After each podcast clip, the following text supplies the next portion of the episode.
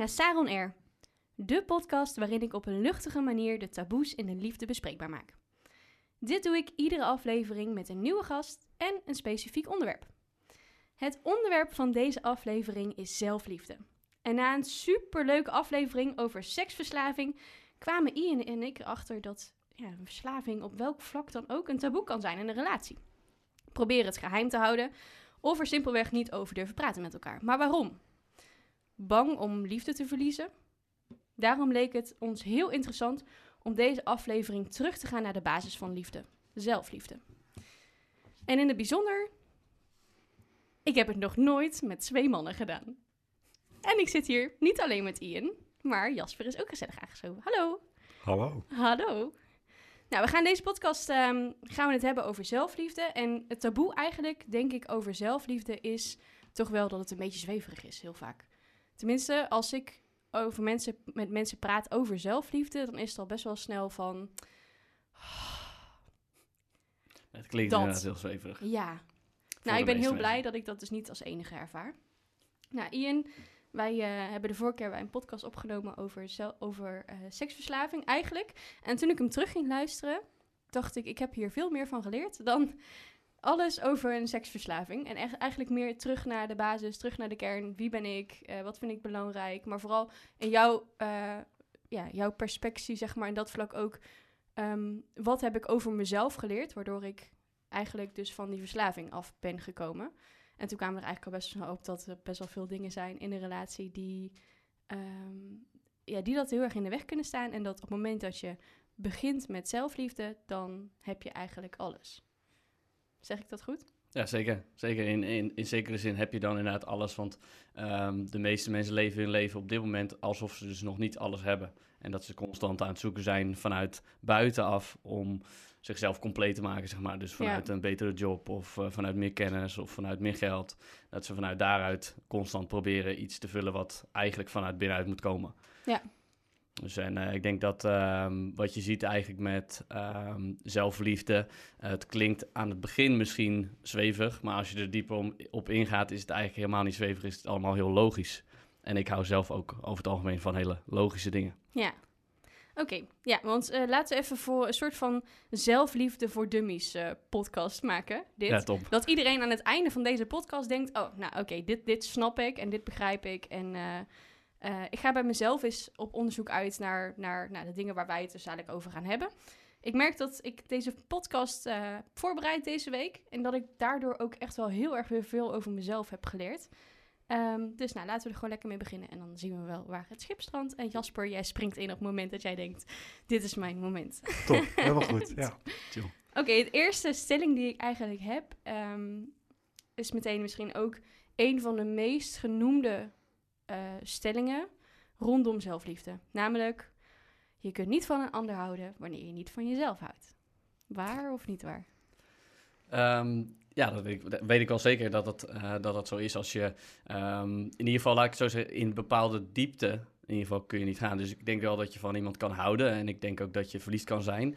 Ehm, ik denk alleen dat als je, eh, naarmate als je kijkt naar een persoon die bijvoorbeeld echt totaal niet van zichzelf houdt, dan kun je in mijn ogen ook niet van een ander houden. Maar eh, ik denk dat daar ook weer gradaties in zitten. Dus iedereen zal ehm, daarin verschillen. De een zal eh, misschien eh, meer bijvoorbeeld tegen een depressie aan zitten. Dat is een, in mijn ogen een mooi voorbeeld van iemand die niet, ehm, eh, ja, geen zelfliefde toont al voor lange tijd. En daardoor ook eh, ja, emotioneel afgevlakt is. Dus dan zie je ook dat hij naar de buitenwereld inderdaad geen liefde kan tonen. Ja, Dus, ehm, maar je, ja, je hebt het in alle maten, zeg maar. Dus je hebt het ook in eh, hele kleine dingen, wat misschien niet zo opvalt. Van iemand die bijvoorbeeld eh, constant bevestiging vraagt voor de dingen die hij doet. Of, eh, of misschien juist eh, eh, heel complimenteus is. Dus de andere kant op werkt, omdat ze dan een bepaald patroon terugverwacht.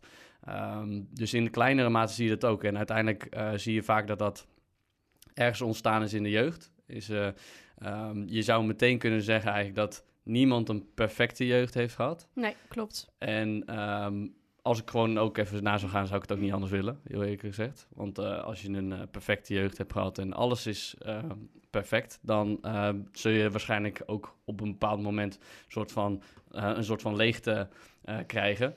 Ehm, in de Ja, vorm van dat je duister, nergens... geen licht. Ja, precies.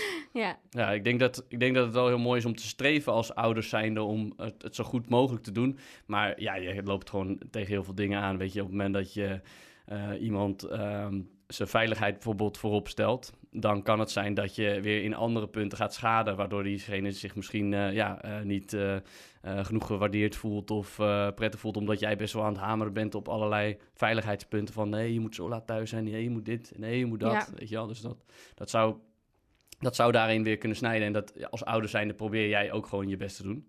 Alleen, eh, ik denk dat de meeste ouders ook zelf heel veel dingen nog zouden moeten verwerken. Of sommige mensen komen er op hun zestigste pas achter dat ze een bepaald ehm, eh, patroon in hunzelf hebben, waardoor ze constant op hetzelfde punt terechtkomen, zeg maar, met bepaalde negatieve emoties of problemen. ja.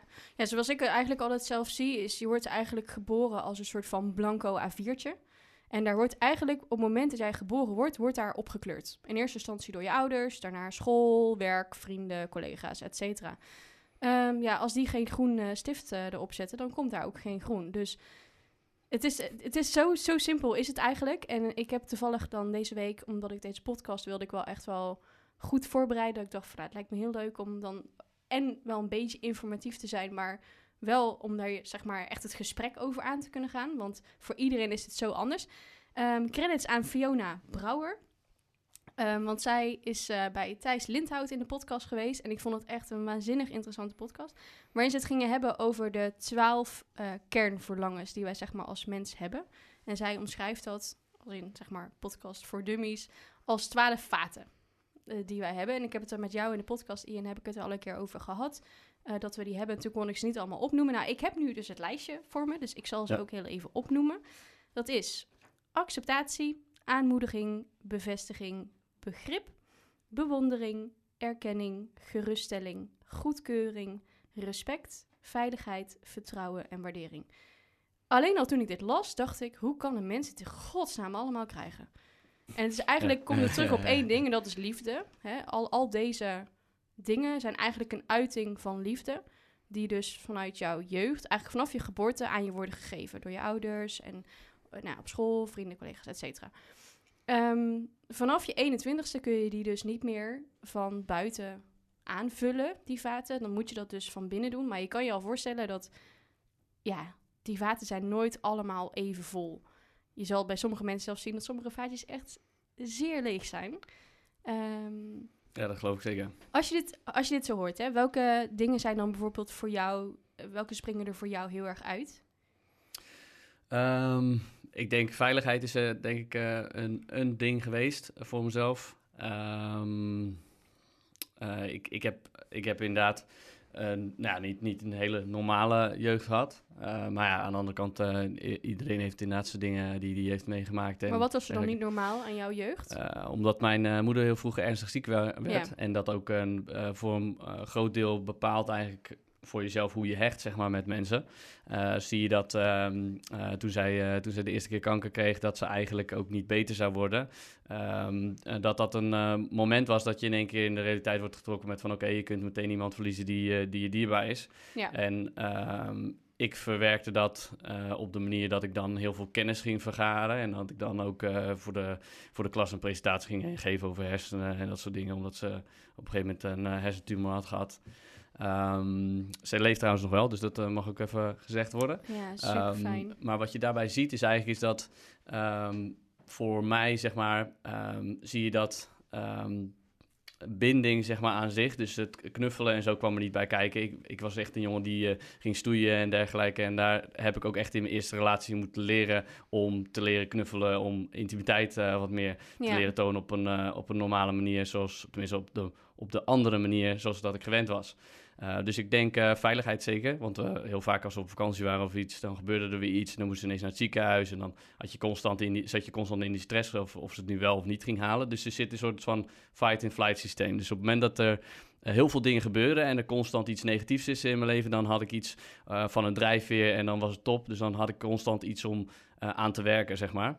En op het moment dat dat wegvalt, dan word je pas geconfronteerd met... Um, ja, met bepaalde angsten van... hey shit, ik heb nu geen eh, negativiteit om me heen. Eh, hoe, ga ik dat, eh, hoe ga ik dat nu doen dan? Want het gaat allemaal goed. Ja, Ja. eigenlijk hoor, hoor je zelf praten, het gaat allemaal goed. Dus eigenlijk geniet dan meer van dat moment. Alleen ehm, dat is dus bijvoorbeeld voor mij een patroon geweest... wat een deel heeft getekend. Ehm, en dan vooral ook hoe zij daar zelf ook weer mee om moest gaan. Dus zij is, zij is iemand die heeft heel veel dingen weer in haar leven meegemaakt. Heel veel negativiteit. En daardoor heeft zij ook voor zichzelf gezien dat ehm, waarschijnlijk het probleem ehm, dat ze ziek is geworden, dat dat ook eh, een patroon is wat constant bij haar in de systeem staat. Want eh, zij heeft heel veel pijn gezien. En daarbij heeft ze ook gezien dat heel veel mensen daarop een bepaalde aandacht krijgen, zeg maar. Dus een bepaalde liefde. Ja. Dus het kan zijn dat mensen die pijn juist constant zoeken om een bepaalde vorm van liefde te krijgen en dan dat te zien als dat dat eh, goed is voor je. Of in ieder geval eh, dat dat je gaat brengen waar je wil zijn of dat dat dat vat gaat vullen. En eh, dat patroon is ook weer leidend tot heel veel stress. En die stress is weer leidend tot heel veel nare ziektes. Precies. Ja, dus dan is de cirkel weer rond. Ja. Merk je nu bijvoorbeeld dan ook dat, hè, dat is iets wat jij in je jeugd, dus nog voor je 21ste, eh, tekort bent gekomen. Is dat iets waar je dan nu bijvoorbeeld ook constant naar op zoek bent? Nou ja, ik, ik denk dat eh, voor mij het stuk is geweest dat, eh, dat bijvoorbeeld die vers- de verslavingsgedragingen, dat die heel erg eruit kwamen aan het stukje dat ik mezelf daar schuldig over kon voelen en mezelf daarmee pijn, kon pijnigen. En ehm, me daarvoor kon schamen en dat daar me rot over kon voelen. Dat dat vooral voor mij de, eh, het punt was waarom ik het ook deed. Dus dat het niet meer zozeer is alleen maar vanuit een, wel, wel vanuit een stresssituatie een soort van comfort zoeken. Maar tegelijkertijd de emotie die erachter zit, de on- onderliggende emotie, die, is wat, die ligt wat dieper en die ligt wat pijnlijker. Die is eigenlijk gewoon gehecht aan het, eh, aan het je schuldig voelen en je navoelen. Dus eh, ik denk dat eh, dat een hele grote rol heeft gespeeld in heel veel dingen. Dus eh, mijn, eh, mijn eerste relatie was bijvoorbeeld een relatie waarbij we heel veel ruzie hadden. Echt, pff, de eerste twee, drie, vier jaar was echt vuur en vlam. Maar ook heel veel liefde, als in hele heftige ruzies en daarna hele heftige liefdesbuien. Dat was Hele heftige echt, seks. hele heftige seks, hele Ja. heftige goedmaakseks. ja, precies. Dat is het beste. Dus, dus eh, daarin hele hoge pieken en, en, eh, en diepe dalen. En dat is hoe, hoe mijn hele leven er ook uitzag. Hoge pieken, diepe dalen. ja. En eh, daar kom je op een gegeven moment achter. En dan zie je dat die eh, constant, die hele hoge pieken en die hoge da- en die diepe dalen, dat die eh, best wel een, eh, destructief zijn, zeg maar, als je daarin doorslaat. Dus het is niet erg om voor jezelf. Voelt ook niet heel veilig, denk ik. Nee, nee, nee, zeker niet. Zeker niet. En pas op het moment dat die relatie eigenlijk een stuk relaxter werd, zeg maar, dat we allebei eh, minder ruzie maakten of eh, eh, minder punten hadden waar we in eh, eh, het niet meer gemeen waren en zo. En dan zie je dat er dus een soort van ja, onrust ontstaat bij mij. Met het gevoel van shit, ja, nee, ik moet, ik moet nu door. Ik, misschien moet ik wel toch, ja, misschien moet ik maar stoppen met de relatie. Want misschien moet ik nu toch even gaan verkennen en zo. En ik kan zeggen dat misschien ook wel echt de intentie ook echt wel was verkennen. Weet het was mijn eerste vriendin. Dus Ja. eh, het is niet gek dat je die gedachte hebt. Maar ik denk wel dat daar ook een deel vandaan komt. Ehm, en het lastige is ook hierin is dat je als je bijvoorbeeld leest over eh, de masculine en de, de feminine eh, energie, dat je ziet van ehm, dat het belangrijk is om altijd iets van een ehm, kracht te hebben die wat, eh, wat meer up en down gaat, zeg maar. Dus dat je als jij allebei helemaal stabiel bent, dat je vaak ziet eh, dat, ehm, dus als je gaat voor een eh, hele veilige relatie, dat het ook vaak gepaard gaat met wat meer, eh, ja, saaiigheid. Of, Saaiigheid, eh, ja. de verveling slaat iets sneller toe. Je Ja. wordt iets sneller vrienden, zeg maar, samen. Maar tegelijkertijd is dat ergens wel weer heel gezond. Ehm, maar daarin is het belangrijk dat je eigenlijk, eh, in mijn ogen, je balans leert zoeken in het feit dat je wel pieken en dalen mag hebben qua uitspattingen, emoties tonen en eh, vuur en vlam kan hebben. Zonder dat je ehm, van binnen dus daar zo door wordt geraakt. En ik denk dat je van binnen zo hard wordt geraakt door die dingen, omdat je dus vaak dus een bepaalde gebrek aan punten hebt, eh, Ja. een gebrek aan zelfliefde. Want als dat top is, dan kun je tegen iemand helemaal flippen en dan kun je het volgende moment nog steeds je goed voelen. Ook zelfs het moment dat je flipt, kan je nog steeds lichamelijk je nog wel goed voelen. Ja. Dus ehm, Maar ik denk dat het ook gewoon niet bestaat. Ik, ik geloof niet dat het bestaat dat een mens gewoon dit volledig 100% heeft. Dat, dat kan toch gewoon ook niet? Ja, ik denk dat, dat dat is het punt, denk ik, van eh, wat, wat, wat zo spiritueel klinkt als verlichting. Dus dat je je emoties er kan laten zijn, zonder dat het je lichamelijk zo heftig beïnvloedt voor eh, alleen het moment van het nu, zeg maar. Dus het, hetgene wat heel veel mensen proberen te trainen, zeg maar, is meer in het nu te leven. En Ja. dat wil niet zeggen dat je geen doelen kan hebben. Want dat is ook weer iets waar, we, waar je dan heel veel discussie over, over hebt. Van oké, ja, als ik dan in het nu leef, ja, ik moet toch ook doelen hebben in het leven. Dus dat mag ook. Tuurlijk, ja, zeker. Maar als je doelen een obsessie wordt of je hebt een doel constant met een plan daarnaast, ja, dan wordt het ook weer een heel saai leven. Want als jij een plan hebt. eh, Behalve als je topsporter alles- bent en je wil ja. eh, meedoen aan de Olympische Spelen, dan is dit top. Ja, ja precies. Alleen Ja. eh, dan zul je van, van tevoren ook voor jezelf, denk ik, eh, zien van hé, hey, je bent aan de top. En hoe je daar precies komt, dat hoef je dan weer niet te weten. Nee, je weet dat je er hard voor moet gaan werken. Je weet dat je bepaalde dingen wel moet doen. Maar echt precies tot in het stip, eh, ja, tot het puntje, dat kan weer een obsessie worden, zeg maar. Dat is, dat is een beetje wat ik, eh, wat ik daarmee probeer te zeggen. Maar ik denk dat sowieso Ja. al dat soort dingen, die kunnen heel snel, snel omstaan naar een obsessie. Ja, zeker. Ja, ik ben, eh, ik ben een man van de obsessies Ja, geweest. ja, Absoluut. precies. Weet je, je hebt niet voor niets verslavingsgedrag vertoond. En dat niet alleen in seksueel gebied, maar ook in sportgebied. Ik ben op een gegeven moment een persoon geweest die twee keer op een dag eh, ging trainen en alles, ehm eh, nou tenminste, eh, bij alles ging sporten voor. Dus ook, eh, weet je, als we dan met kerst, de kerstdagen, eerste, tweede kerstdag. Ja, ik ging in de middag gewoon even sporten en dan ga ik niet en nog eens ontbijt met de familie. En nog eens lunchen met de familie. En nog eens avondeten met de familie, zonder dat ik gewoon even tussendoor een moment heb om te kunnen trainen. En hoe reageerde, jou, hoe reageerde jouw omgeving daar dan op? Eerst eh fel, dus eerst veel ruzie. Maar uiteindelijk omdat ze begrepen dat ik dat eh, als prioriteit zag en er toch geen eh, verandering in kwam eh, wat dat betreft, ehm lieten ze dat meer los. En toen zij dat meer loslieten en ik er zelf op een gegeven moment ook achter kwam dat er meer in het leven is dan eh 15 uur, 16 uur in de week eh, in de sportschool staan. Ehm, merk je ook weer dat je zelf vanuit jezelf op een gegeven moment meer keuze gaat maken van hé, hey, we gaan even wat leuks doen of wat, eh, wat chills doen. Maar Beetje compromis. ja, precies. Een beetje compromis. En, eh, en ook, ook daarentegen weer een eh, goede invloed op de, de kerstdagen. De standaard kerstdagen zijn in mijn ogen best wel saai. Als in, nou, dan moet je eens een keer bij mij thuiskomen. Ja, precies. precies. En dan bedoel ik meer het stuk, zeg maar, van de, vaak van de, de ochtend tot de avond. Dus de avond is vaak echt super gezellig. Dus dan Ja. ga je lekker eten met z'n allen. is hartstikke chill. Maar in de middag, dan zie ik je daar een beetje. En dan denk ik zelf van, oké, nou, ja, de meeste families zouden voor mij apart. Ik weet niet, eh, er zullen vast families zijn die het wel doen. Maar dat je dan even het bos in gaat met z'n allen. En Ja. dat je even een wandeling gaat doen of iets, iets van een bewegelijke activiteit. Om de hele dag nou alleen maar te gaan zitten vreten. Voel ik me niet Ja, daar voel super ik goed me bij. totaal ook niet chill bij. Nee, nee, op een gegeven moment voel je je echt een beetje... Ja, je krijgt die sugar dips ook de hele tijd, weet je wel. Van het ene... Ja. ene Ik heb ooit een keer zo'n acht gangen diner gehad. Vreselijk. Maar echt, ja, maar echt vanaf één uur, zeg maar, smiddags. Gewoon tot, tot negen uur s'avonds gewoon, weet je wel. Dan iedere keer dan, dan een klein beetje. En ik was, nou, ik was op een gegeven moment daar zo klaar mee. Ik zou dat nooit meer doen. Nee, snap ik. Nee, nee ja, mijn moeder die kookt gelukkig eh, maar drie gangen.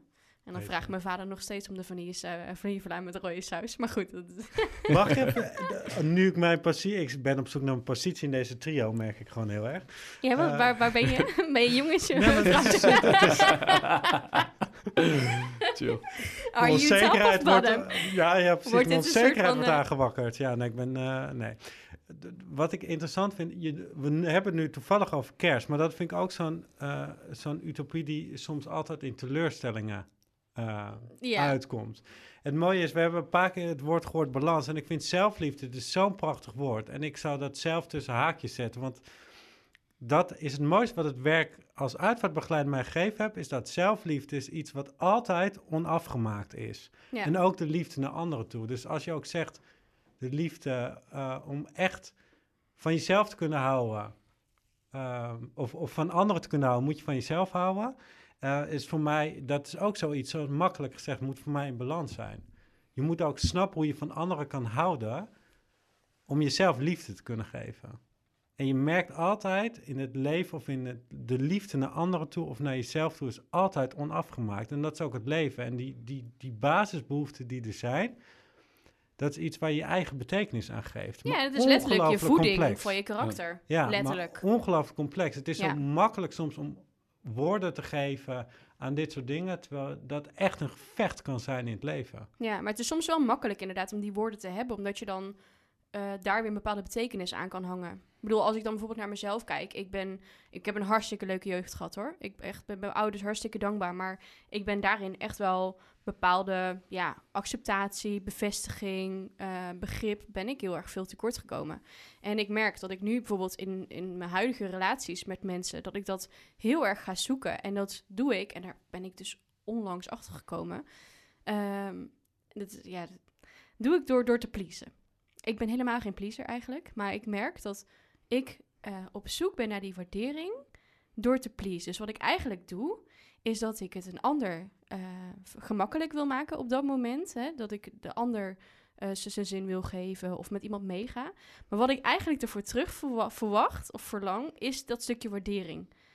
En ik heb onlangs gemerkt op het moment dat mensen dat niet doen, dat is zo zwaar.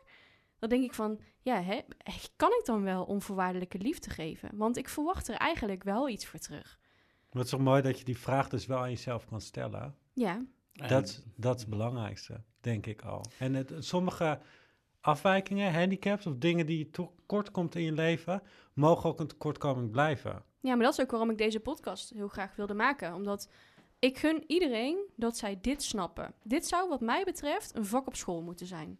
Dat je echt naar jezelf kan kijken. Een soort van spiegelles. Dat er gewoon, nou, gewoon wat ik hier zeg maar op papier heb staan en wat ik dus afgelopen week voor mezelf ook echt ben gaan ontdekken. En niet alleen afgelopen week, daar heb ik jaren over gedaan, als ik daar nu aan terugdenk. Want dat is eigenlijk al begonnen toen ik naar Tony Robbins ben geweest drie jaar geleden. Dat je met je neus op de feiten wordt gedrukt van, hé, hey, uh, je bent geen probleem, je hebt een probleem. En op het moment dat jij daaraan wil werken, dan komt het goed. Maar dan moet je wel jezelf ook uh, even in de spiegel kunnen kijken en zien wat jouw patronen zijn en wat je, ja, wat je doet. En waar dat dan dus vandaan komt. Dus dat zo'n eetstoornis uiteindelijk voor mij letterlijk een schreeuw om, om aandacht was. Van, hè, uh, jullie begrijpen me niet, ik wil die waardering en erkenning. Want iedere keer als dan iemand tegen me zei dat, uh, dat ik er goed uitzag, zag ik dat als iets negatiefs. Stom is dat, hè? Ja, ja zeker. En, ik, en daarin, zelfliefde was, was gewoon nul bij mij. Nul. Ja. Ja, ik, denk, en, ik, en ik denk wat al uh, belangrijk is, is dat uh, het uiteindelijk begint het inderdaad allemaal met bewustzijn. Dus uh, wat je vaak ziet is dat mensen die op een gegeven moment gaan mediteren of ze gaan Vind iets voor zichzelf woord, doen. trouwens. Als mensen zeggen, ja, ik ben bewust. Ja, ja, ja. ja je bent bewust van je gedrag. Dus exact. en je gedachten. En uh, wat wel interessant is daarin, is dat um, in het eerste proces van meditatie zie je dat de meeste mensen kappen omdat het te druk wordt in hun hoofd. Omdat ze merken van oké, okay, ja shit, uh, ja, ik, ik, word te onrustig, ik ben hier niet de persoon voor. Ja, nou dat ben ik ook. Ja, ja ik kan en, het nog steeds niet, dus ik hoop dat iemand me ooit kan leren. En, en, het, en het interessante daarin is, is dat iedereen dat, dat heeft. En dat het ook oké okay is dat iedereen dat heeft. Ja, zeker. Ik heb uh, zelf, denk ik... Pff, denk uh, een stuk of 50, 60 keer of zo gezeten. Uh, elke keer Beentjes met de gedachte, oké, okay, ik ga nu uh, ja, precies ja. ademen, ademen, ademen, let op je ademhaling. Oké, okay, gedachte 1, gedachte 2, gedachte 3. En eerst was ik bijvoorbeeld heel erg aan het focussen op het nu, op het nu, op het nu. En op mijn ademing, uh, beademing en that's it. En uh, vervolgens wat je eigenlijk ziet is dat wat ik een mooie uitleg vind van uh, Dr. Joe Dispenza bijvoorbeeld, is dat hij zegt dat uh, op het moment dat jij gaat zitten, dan, kom, dan leg je wat meer uh, je bewustzijn open en je onderbewustzijn. En dan komen dus al die gedachten die je normaal gesproken uh, niet ziet, die komen dan naar boven. Dus je wordt eigenlijk gewoon alleen bewust van de gedachten die je hebt. En als je dan niet, daar niet tegen kan, dan betekent dat dus uh, dat je eigenlijk nog steeds je probleem aan het ontwijken bent op dat moment. Dus yeah. op het moment dat je die gedachten dan hebt, oké, okay, dan denk je van oké, okay, ga ik weer zitten. Maar vervolgens heb je nog steeds het probleem, wordt het eigenlijk te druk. Wat dan voor mij heel goed werkt, is als je je lichaam nou gaat zien als de uh, het ongetemde dier, wat uh, dan wakker wordt en gaat schreeuwen en gaat brullen en gaat doen. En jij de dierentemmer bent met het uh, zweepje, je mag het een beetje sexy voorstellen, iets leuks, weet je Dat klinkt best prima. Dat jij, tegen, mee, ja, ja. dat jij tegen je lichaam of tegen dat dier zegt dat je moet blijven zitten. En dat kun je zeggen op de manier blijf, blijf, blijf. Ja. Tot je op een gegeven moment merkt dat die gedachten wat rustiger worden en je systeem niet beïnvloeden. Want uiteindelijk uh, beïnvloeden je gedachten je lichaam niet. Alleen wanneer jij lichamelijk daar ook echt bepaalde emoties aan gaat ko koppelen en een gevoel gaat manifesteren in je lichaam. En uh, zodra er een uh, gevoel gekoppeld is aan een gedachte, dan krijg je dus vaak een, een bepaald soort iets wat, tenminste, een, wat ze noemen, ik ben heel veel de naam kwijt, maar bijvoorbeeld trauma is Mhm. eigenlijk een ehm, emotie gekoppeld aan een gedachte, gemanifesteerd in je lichaam. In de vorm van een vorm van stress of iets. En wat we dan meestal proberen, is dan proberen we vaak naar die gedachte te gaan. Oké, ik ga naar die gedachte van het trauma. Oké, ik ga daarover nadenken. Misschien word ik dan beter. Er komen er honderdduizend Ja, er komen er gedachten honderdduizend achtergedachten. Ja. Juist. En eh, wat je dan wel kunt doen, is dat je gaat kijken van... oké, laat ik eens kijken naar het gevoel in mijn lichaam. En ga daar eens naartoe. En in Ja, plaats van dat dat, is dus zo moeilijk. Ja, ja dat, is, dat, dat kan heel lastig zijn. Maar alleen dat is ook gewoon, eh, weet je, als jij, laten we zeggen, 10 minuten per dag hebt om, eh, om te mediteren. En ik denk dat iedereen wel 10 minuten heeft per dag. Eh, als je niet 10 minuten per dag voor jezelf hebt, ja, wat, wat voor waardering heb je dan inderdaad voor jezelf? Ja. Ja. Dus dat zou je wel tegen jezelf kunnen zeggen. En, en je hoeft ook niet met 10 minuten per dag te beginnen. Je zou kunnen beginnen met 2 minuten per dag voor jezelf zitten als je het nog nooit hebt gedaan. Dat is heel erg behapbaar. Lekker Ja. woord vind ik dat altijd Behapbaar. behapbaar. Maar je zou zo kunnen beginnen en eh, je hebt best wel veel verschillende technieken hoe je dit kunt doen. Ehm een van de technieken is dan, ehm, hoe ze dat doen, is eh, body part inductions en water rising inductions. ehm, waarbij je visualiseert dat er bijvoorbeeld water omhoog komt in de kamer. Ja, als dat je een beetje eh claustrofobisch maakt, dan kan misschien de body part induction misschien wat beter werken. Dan ga je meer naar lichaamsdelen toe en de sensaties daarvan. Maar dan gaat meer om je wat meer in het nu te krijgen. Vervolgens ga je dan dingen proberen los te laten. Andere methode is ademhalen. Dus dan, als, je, als het allemaal te, zweverig voor je is, dan zou je ook gewoon letterlijk kunnen beginnen met een ademhaling van bijvoorbeeld 6 seconden in te ademen. En dan niet heel erg vast te houden als in schrap te zetten, want dat was ik natuurlijk. Eh, dan ging ik meteen, oké, vasthouden en uitademen. En dat deed ik dan ook eh, in volle enthousiasme. Maar het gaat juist om die rust die je erin wil krijgen. En dat eh, kan er weer voor zorgen dat die lichamelijke sensatie verandert. En daardoor de gedachte geen kracht meer heeft op je, op je lichaam of geen negatief effect meer heeft. Ja, wat ik wel heel erg eh, bijzonder hier altijd hier aan vind. En dat merk ik ook bij mezelf. En waarschijnlijk als, als mensen dit thuis ook gaan proberen, weet je, ga gewoon eens even zes seconden inademen. Wat doet iedereen? Bij iedereen zie je die borstkast naar boven komen. In plaats van Ja. de buik. Ja. Dan adem je gewoon verkeerd. Ja, je, ja, ja. je buik moet juist bewegen en niet je borstkas. Toen ik bij Tony was, ook werden er een aantal mensen op het podium gezet. En de- hij vroeg ook gewoon van, nou oké, je moet even heel diep inademen. En, maar je zag dus ook gewoon echt, een zij deed echt zo... En heel die borstkas ging, maar je moet Ja. door die buik ademen. Dat is heel belangrijk. Maar laat het ook niet zien dat we echt eerst bij die baas moeten beginnen. Ja. Want dit werkt voor jou goed. Je bent aardig ver in al, als je eh, kijkt naar het stukje meditatie, zeg maar. Maar het is een enorme zoektocht. En enorm vallen en opstaan. Ja. Het is enorm confronterend ook. En 100%. voordat je... Het, het- het- wat ik het lastige eraan vind, is als je hiermee bezig bent, is dat je het, het punt gaat zoeken dat het echt gaat werken voor je. Dat is enorm geduld hebben. Ja, ja en eh, vooral erkennen dat het voor je werkt. Dus eh, veel mensen die mediteren, die eh, maken al significante verschillen in een aantal maanden. Ehm, net zoals mensen die bijvoorbeeld gezonder gaan eten. Alleen is het vaak pas weer voelbaar op het moment dat ze dus bijvoorbeeld slecht eten. En in dit geval in meditatie is het ook vaak weer voelbaar op het moment dat ze twee, drie maanden hebben gemediteerd. En vervolgens even een maand ineens niet meer mediteren. Dat ze ineens merken van, hé, hey, ik voel me toch wel eh, gestrester. Of eh, emoties komen zwaarder binnen en eh blijft veel langer hangen. Dus ehm, een van die dingen is ook dat meditatie heel erg helpt om eh, een emotie juist extra te voelen. Dus sommige mensen kunnen zich heel kut voelen op een moment of heel pissig voelen op het moment dat ze dan bijvoorbeeld gaan mediteren. Maar juist doordat ze dat op dat moment voelen, eh, kunnen ze het ook op dat moment weer loslaten. emotie. Ja, precies. En dan heb je dus niet dat dat weer eh, een, een soort van staat van zijn wordt. Want dat is een beetje het probleem bij veel dingen. Je kunt bijvoorbeeld pissig worden een keer en dan daarna weer doorgaan. Of je kunt eh, een soort van bui hebben, zeg maar, van dat je de hele dag al een beetje, ja, ik heb gewoon zo'n dag. Ja. Of je hebt eh, een bepaalde gemoedstoestand. Dat je ja, eh, eigenlijk al een langere tijd met één bepaalde gedachte zit en één bepaald probleem zit. En daaraan gehecht bent en dat dan als normaal gaat zien. En dat is helemaal gevaarlijk. Ja, zeker. Want dat is uiteindelijk eh, denk ik een grote leidraad voor... ehm, het- Mensen die depressief zijn en zo, die, die leven gewoon van... Ja, ik, ik voel me gewoon... Ik sta gewoon op en ik voel me kut. En ik ga naar bed en ik voel me kut en er verandert niks. ja, Ja, en eh, in mijn ogen een depressie is eigenlijk ook... ehm, eh, kun je heel erg duidelijk vertalen naar het stukje dat je dus niet met je emoties kunt omgaan. En je ziet ook dat de meeste mensen dan bijvoorbeeld antidepressiva krijgen. Dus dan wordt het systeem platgelegd. Dan heb je dus geen emoties meer of geen gevoel meer daarbij. En je gaat dus je oplossing van buiten zoeken. Want ineens is dat pilletje is jouw oplossing. Ja, In zeker. plaats van echt te gaan kijken van... oké, maar waarom voel ik me dan zo kut? En wat kan er... eh, bijvoorbeeld met deze basisbehoeften... waar komt dat dan vandaan, weet je Ja. wel? Waar, want het feit dat je, je dan, dat je je dan dus heel erg vervelend kut voelt... laten we gewoon zeggen kut. Ja. Ehm, dat komt dus waarschijnlijk omdat je iets ergens tekort komt. Dat Ja. een vaatje leeg is en eigenlijk roept van... hé, hey, hallo, ik moet aangevuld worden, want ik, ik kom wat tekort. Ja, zeker. En ik denk, eh, denk wat dat belangrijk te zeggen is om over antidepressiva is ehm, dat het alles, alles in een bepaalde context heeft een functie. Dus eh, als iemand echt in een kritieke toestand is en eh, dat eh, zijn leven redt, waardoor hij niet een einde aan maakt, dan is dat iets goeds.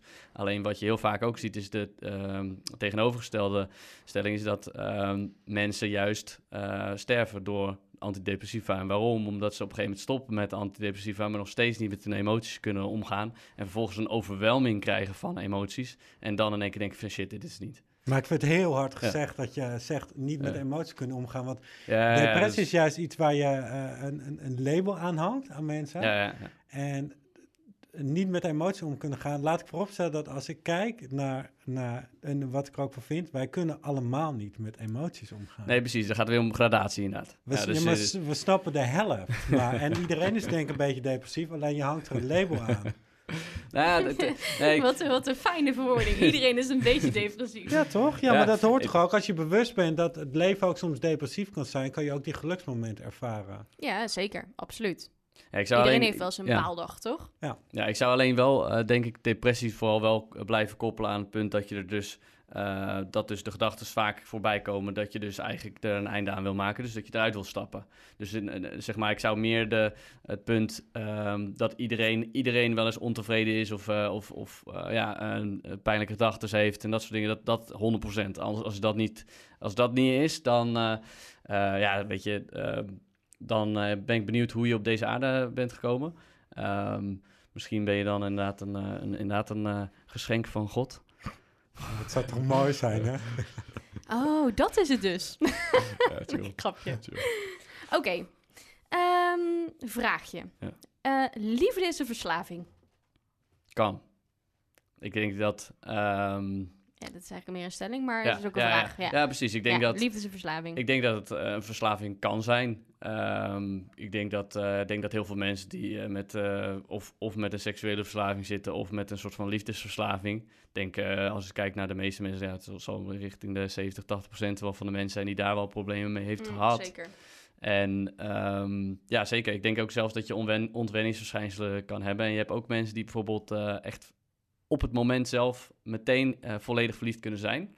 Maar dus ook eh, dan op dat moment vaak worden eh, afgewezen en dan met direct ook weer een gebroken hart, hebben. Ja. Dus dan moet, dan moet je echt eh, gaan nagaan, als we kijken naar piek en dalen, is dat wel in mijn ogen de hoogste piek en daal die je kan hebben. Ja, kun jij dat? Kun, je dat kun jij gewoon instant verliefd worden? Nee, nee, nee. Dus, dus voor mij piek en dalen is peanuts vergeleken met iemand die instant verliefd kan zijn, maar ook dus het volgende moment volledig heartbroken kan zijn. Ja. Dus, dat, dat lijkt mij het, ik weet niet, iedereen heeft volgens mij wel eens een break-up eh, gehad hier van ons. Ehm, en je weet hoe dat, ehm, hoe dat eh, manifesteert op je lichaam, hoe dat voelt. ja, vreselijk. Ehm, dat is vreselijk, Ja. inderdaad. Je weet ook hoe goed eh, verliefdheid kan voelen, op stop. ja, ik, ik vind wel, verliefdheid vind ik aan de ene kant, verliefdheid is eigenlijk ook maar kut. Want er is geen moment dat je meer onzeker bent, is het moment dat je verliefd bent. Ja, ik denk dat, ik, ik weet niet, ik heb dat... aan de eh, ene kant dans je Ja, op de hemel en is alles roze en mooi en leuk en ja, fijn. ja, dat je eraf kan. Oh, Dus Het is- allebei die kanten zijn eigenlijk gewoon kut. ja. Dank je, Jas. Dank je wel voor deze bemoedigende woorden. Goed, hè? Nee, maar echt Ik verliefd vind het echt zijn. top dat ik jou een microfoon heb gegeven. Goed, hè? Nee, maar echt verliefd zijn en het ook weer uit zijn. En die Ja. zoektocht naar, naar liefde. Want hoe je het ook wil benoemen of niet, iedereen is in zijn leven, zijn of haar leven op zoek naar liefde. Maar om, om dat echt te kunnen bereiken, moet je ook het kunnen ervaren hoe het is om echt heartbroken te zijn. Ja, Om daarin te groeien, lijkt mij. ja klopt. Ik denk, ik denk, ik denk Zijn je, heb- hebben jullie ooit echt, echt een gebroken hart gehad? Oh, zeker, ja. Ja hoor. Ja, zeker. Ja joh, over depressie. En hoe, hoe was dat? Hoe, hoe- Ja, ik had echt letterlijk ontwen ontwenningsverschijnselen ook al, hoor. Dus, eh, Wat, wat dan? Ehm, nou de, de laatste break was voor mij eh, denk ik een eh, extra eh, bittere pil, omdat al die shit eruit kwam van het feit dat ik ook gewoon mezelf zo had verwaarloosd. Dus dat je dan ehm, en jezelf al niet lekker voelt, dus je voelt jezelf gewoon een beetje zielig. En vervolgens ga je uit elkaar en voel je die afwijzing heel duidelijk. En vervolgens merk je dus dat je heel erg ehm, eigenlijk ook dus eh, deels verslaafd bent geweest aan dat stukje liefde, afstoten, trekken, duwen. Magneten. Ja, magneten, weet Ja. je wel. Dat dat heel erg ehm, invloed heeft gehad op je lichaam. Dat je gewoon, nou ja, gewoon constant een beetje rillerig bent, niet lekker voelt, zweet aanvallen, dat soort dingen. Ja? Ja, ja, zeker. Dus dat, dat merk je. Kijk, uiteindelijk, ik denk dat soms een break-up is net zoiets als, eh, eh, als een ehm, verwerkingsproces als in als iemand sterft. Dus eh, eigenlijk je, ehm, ja, je gaat volledig uit elkaar. Dus je, ehm, ja, soms kom je weer bij elkaar als vrienden, soms kom je weer bij, bij elkaar als geliefden. Eh, dat kan allemaal. Alleen eh, op het moment dat je uit elkaar gaat, voelt het gewoon alsof degene soort van sterft voor je. En dat, is, dat kan een heel, hele zware, bittere pil zijn. Hoeft niet. Ehm, want ik kan ook wel zeggen dat op het moment dat je dus, dus wel die zelfliefde en die zelfacceptatie hebt, hebt ondervonden en je begrijpt hoe dat in elkaar steekt, dan zal je eh, intern ook veel minder pijn eh, erkennen. En uiteindelijk eh, moeten we beseffen dat ons brein is niet gemaakt om ons gelukkig te maken, maar om te overleven. Ja. Dus het zal niet altijd voor de beste keuzes kiezen. En ehm, dus vaak vanuit de materiële wereld allerlei keuzes maken. Vanuit een soort van survival mode. Maar wat je daarin ziet is denk ik... ehm, wat het belangrijkste is, op het moment dat je dit ontwikkelt... creëer je dus meer compassie en ook meer eh, liefde om je heen. Dus het is zelfacceptatie en eh, zelfliefde is iets eh fantastisch. Ik denk het mooiste wat er is. Op het moment dat jij helemaal begrijpt dat jij... Je komt hier alleen en je gaat hier alleen. Ja. En daarom is het wel heel sneu dat als je ehm, eh, hier komt en je hou- houdt nog niet helemaal van jezelf, nou, kan ik best wel begrijpen door hoe je, hoe je op wordt gevoed en in wat voor omgeving. Maar als jij gaat nog steeds met dat ehm, ja, onvoldane gevoel, dat is echt kloten. En dat, en, en dat wens ik niemand toe. Ik denk dat ehm, het doel ook van iedereen zou moeten zijn, en ook van vrienden en vriendinnen naar elkaar, is dat je ehm, elkaar niet per se alleen maar de aandacht geeft die diegene nodig heeft, maar vooral de wijsheid probeert te delen die iemand nodig heeft om van zichzelf te houden. Ik denk dat het, be- dat het beste is wat je kan doen als, eh, als vriend zijn. En daar, eh, daarin zie je vaak wat de fout is, dat je vaak heel veel dingen probeert, te doen voor anderen, eh, maar daardoor constant jezelf voorbij loopt. Dus daarbij komen we eigenlijk op het punt, onbaatzuchtigheid is voor losers. ja, je gooit hem er zelf al in. Vertel. Ja. Dus wat je ziet is dat ehm, mensen vaak zeggen dat je selfless moet zijn. Dus dat je eh, inderdaad eh, er altijd voor anderen moet zijn. En dat je, of tenminste, dat je er veel voor anderen moet zijn. Ehm, ik denk dat dat verkeerd is. Ik denk dat dat eh, schadelijk is ook voor je eigen gezondheid. Ik denk dat het belangrijk is om eerst egoïstisch te zijn. En Ja, je moet toch ook eerst jezelf redden in een vliegtuig voordat je een ander eh, kan redden, toch? Ja, Dus precies, Zo ja, dat- vergelijk ik het altijd. Ja, dat is, dus, dus de vergelijking is inderdaad, je moet absoluut eerst eh, jezelf eh, weten te redden en eerst jezelf helpen voordat je een ander kan helpen. Anders do- doe je het dus uit de verkeerde gemo- gemoedstoestand en dan krijg je ook het verkeerde resultaat. Dus dan blijf je, blijf je in diezelfde, als ik, als ik me niet goed voel en dan ga ik de hele tijd tegen jou gaan zeggen van, nee, maar je moet dit doen, dat doen, want dan voel je je beter, terwijl ik me niet goed voel. Ja. Dan voel jij dat uiteindelijk ook. Ja, ik herken het wel. Want als ik, als ik nu, want ik ben echt een beetje ondertussen aan, aan nadenken over, over mijn ervaring hierin. Ik ga niet zeggen dat ik nooit een gebroken hart heb gehad. Maar ik heb wat jij hebt ervaren, heb ik nog nooit ervaren. Want sowieso de relaties die ik heb gehad, heb ik altijd zelf verbroken. Dus er is bij mij misschien altijd al een soort van achterliggend ding geweest. Waardoor het voor mij niet rauw op mijn dak kwam. En dat ik helemaal eh, zat te huilen in een hoekje. Ik heb echt wel verdriet gehad en zo. Omdat het dan toch iets overgaat waar je heel erg veel energie en tijd en liefde in hebt, in hebt gestoken. En dat is er niet meer. Maar als ik bijvoorbeeld kijk naar, naar mij en Elwin. Wij zijn bijvoorbeeld nu echt nou, dikke maatjes. En wij zijn eigenlijk nooit echt uit elkaar geweest. Dus die liefde die, die wij hebben voor elkaar, die is er nog steeds. Dus die liefde is niet weg. Maar liefde gaat toch ook nooit zomaar over? Nee, dat geloof ik niet. dus ook niet. Nee. Maar ook als ik dan bijvoorbeeld kijk naar, naar mij vroeger. ehm, mijn ouders hebben ook heel vaak tegen mij gezegd dat ze mij egoïstisch vonden. En dat, dat was echt iets negatiefs. Ik was egoïstisch. Was, mijn moeder zei altijd, vreselijk. Ikke, ikke, ikke en de rest kan stikken, zei ze altijd tegen mij. Omdat ik dus blijkbaar zo dacht. En nu, als ik daaraan terugdenk, is dat voor mij best wel een overlevingsmechanisme geweest. Want het feit dat ik dat dacht, betekent dat ik heel veel dingen, dat ik daar heel licht eigenlijk op dat moment over nadacht. Ja. Ik ben heel veel gepest geweest. Ik ben letterlijk in elkaar geslagen geweest op de middelbare school door jongens. Notabene. Vreselijk, maar goed. Ehm, Ja, dat kan ik niet. Nee, ja, maar eh, ik, ik ben altijd daarin heel erg egoïstisch geweest. Maar bijvoorbeeld ook met baantjes. Als ik iets niet meer leuk vond, dan stopte ik ermee. Echt tot, tot ongenoegen van mijn ouders. Ja, maar dat moet je wel gewoon... Nee, maar ik vind het niet leuk, dus ik stop ermee. En dan ga ik, weer, ga ik weer iets anders zoeken. Maar in relaties ook. Ja, niet dat ik dan heel snel iets anders ga zoeken. Maar wel op het moment dat ik echt denk van... Ja, dit is het niet. Ja, dan, dan kap ik ermee. En dan en on to the next. Zeg maar. Ik weet ik nog wel dat op het moment dat het dan overgaat... En is bij sommige vriendjes heeft hij heel kort tussen gezeten... dat ik weer in een andere relatie kwam. En dat gewoon echt wel tegen je werd gezegd... ja, maar je kan nu toch niet al in een nieuwe relatie stappen... want je bent pas net uit de vorige. Ja, maar ik, misschien is dat dan toch wel een beetje zelfliefde of zo. Dat ik gewoon al zo eh, bewust was van wat ik dan wilde... en waar ik naar op zoek was... Dat, dat het ook heel makkelijk was om dat dan weer te gaan zoeken of zo. Dat het een soort van ja, avontuur werd. Van, Maar het is toch En- een continue zoektocht. Ja. Als je het hebt over zelfliefde en, en noem maar op. En ik vond het mooi dat je het net noemde. Het hele leven is, eh, is, eh, een oh, avontuur. is een avontuur. Ja. En daarin liefde kunnen ervaren, daar zelf betekenis aan geven. Maar het hele leven, je kan alleen echt liefde ervaren... is als je ook soms die egoïstische klootzak kan zijn... maar ook weet hoe het is om echt diep te kunnen rouwen. Ja, Want eh, we, we koppelen het vaak aan het sterven, eh, rouwen. Maar rouw doe je hele leven. Afscheid van mensen doe je hele leven. Als je dat goed kan... en soms een beetje egoïstisch kunt zijn... ja, maar dat weet ik dus niet. Ik, ik, heb echt, ik weet niet of ik dat goed kan. Ja, ik denk, ik denk dat je in ehm, eh, bepaalde mate dat dus wel kan. En in bepaalde mate heb je er dus wel nog problemen bij. Dat ehm, het deel wat je al zegt is, eh, is dat je dus zelf eh, waardering geeft aan anderen. Waar je eigenlijk dan ehm, hoopt iets van terug te Ja, verwachten. precies. Terwijl ik denk dat op het moment dat je eh, dus jezelf eh, nog meer waardering geeft voor wie je bent, dan heb je dus dat niet nodig. Dat straal jij dan weer uit, waardoor je krijgt wat je wil. Eh, dus dat is die vorm van egoïsme waar je denk ik nog in kan groeien. Ehm, en ik weet niet hoe dat precies zit in relaties. Weet je, eh ieder persoon is daar heel anders in. Iedere Ehm, relatie is ook anders. Dus ehm, weet je, aan de ene kant eh, kan het iets heel goed zijn dat je dus vrij snel door kan stappen en eh, daar vandaan eh, weer een nieuwe relatie aan kan gaan.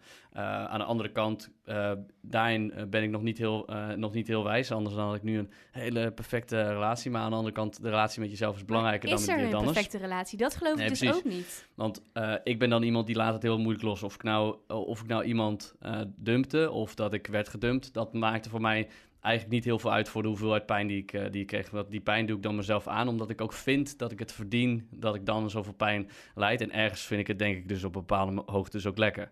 Nou ja, dat ik heb ook echt wel, eh, wanneer ik dan dus in ja. zo'n break-up zat, dat ik gewoon een hele afspeellijst ging aanzetten met alleen maar zielige muziek en op een bank ging zitten met, maar dan eh, ga je met doorheen. Dat is supergoed. Ja, maar dat, Ja. dat deed ik ook echt wel. En dan gewoon in de auto keihard meezingen. Dat ik op een gegeven moment dacht van... oh, wat ben ik toch in godsnaam Ja. aan het doen. Maar dat voelt... Dat is zo stom, maar dat voelt gewoon wel heel lekker.